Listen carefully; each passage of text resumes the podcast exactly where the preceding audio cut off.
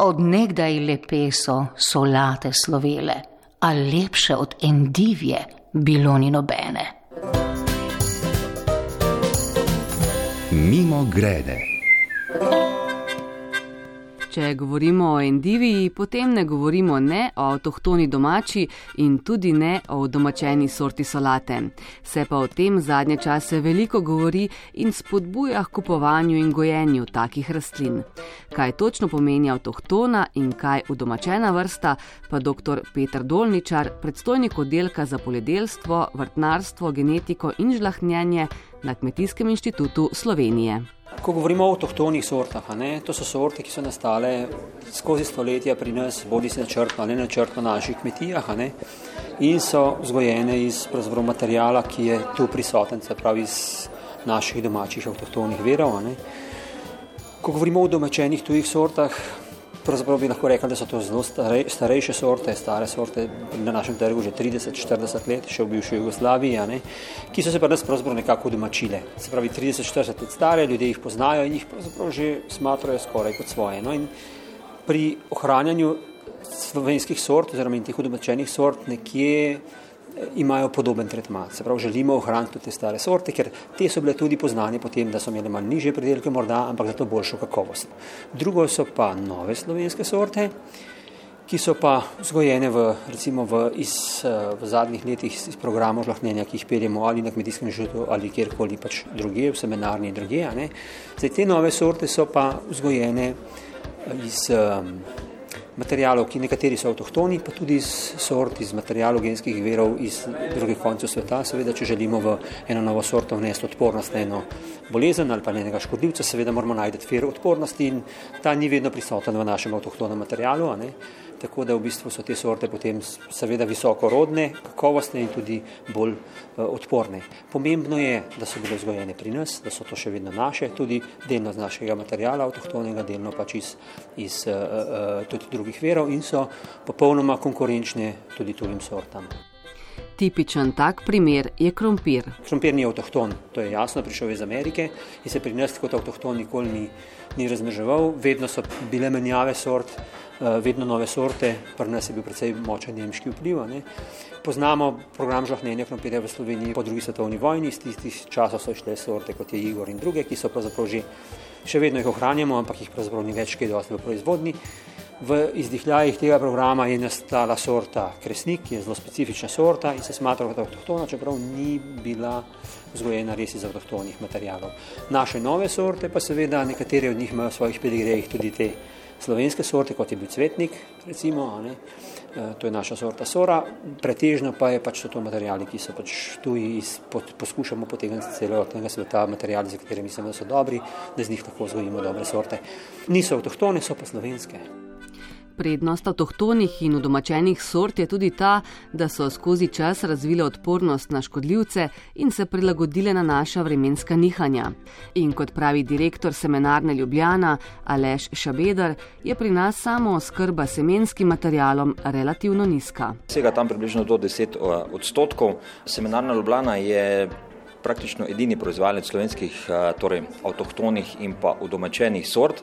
Vse ostale sorte, ki se pa najdejo na trgovskih policah, so pa seveda eh, uvožene sorte. Kar je pa mogoče bistven podatek, je pa to, da je regulativa v Sloveniji dokaj stroga in ne dovoljuje gensko spremenjenih organizmov, tako da je ves semenski material, ki se znajde na slovenskih policah, gensko nespremenjen.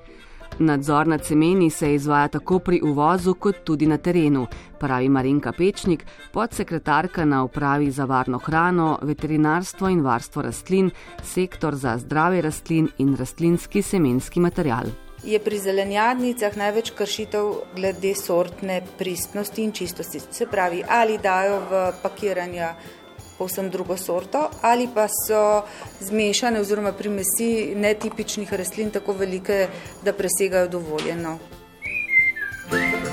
Mimo grede. Organizacija Združenih narodov za hrano in kmetijstvo je ocenila, da je bilo med letoma 1900 in 2000 uničenih 75 odstotkov globalne raznovrstnosti polščin. Zato je ohranjanje domačih in avtohtonih sort pomembno in temu so namenjene genske oziroma semenske banke.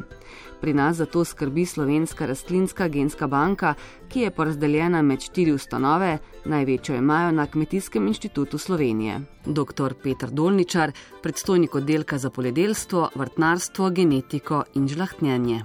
Poskušamo vse te stare vire, ki jih zberemo po Sloveniji, ohraniti v obliki semena, se pravi, tiste, ki se razmnožujejo semenom, dolgoročno, čim dlje, če potrebi razmnožujemo.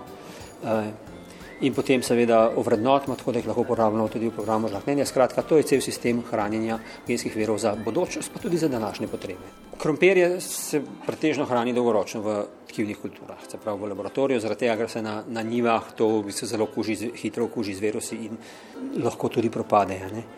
Vrste, ki se razmnožujejo s semeni, se hranijo v semenski banki, se pravi, seme je potrebno osušiti, temeljito čim bolj osušiti na vsako vrsto na določeno procent, potem zapreti, če se da vakumsko, eh, sploh tisto, kar je na minus 20 stopinjah, hrano lahko naprej plus 4 stopinjah ali pa pri minus 20 stopinjah, to je lahko tam do 20 let, potem bomo pa recimo še enkrat vsakih 20 let razmnožiti in se potem to tako ohranja naprej. Doma tega seveda nimamo, ne?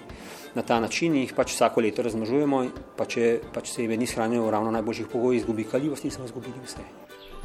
Na Inštitutu za pivovarstvo in hmeljarstvo je genska banka za zelišča. Banko imajo tudi na biotehnički fakulteti. Hranijo vinsko trto, krmne rastline, polščine in seveda sadne rastline.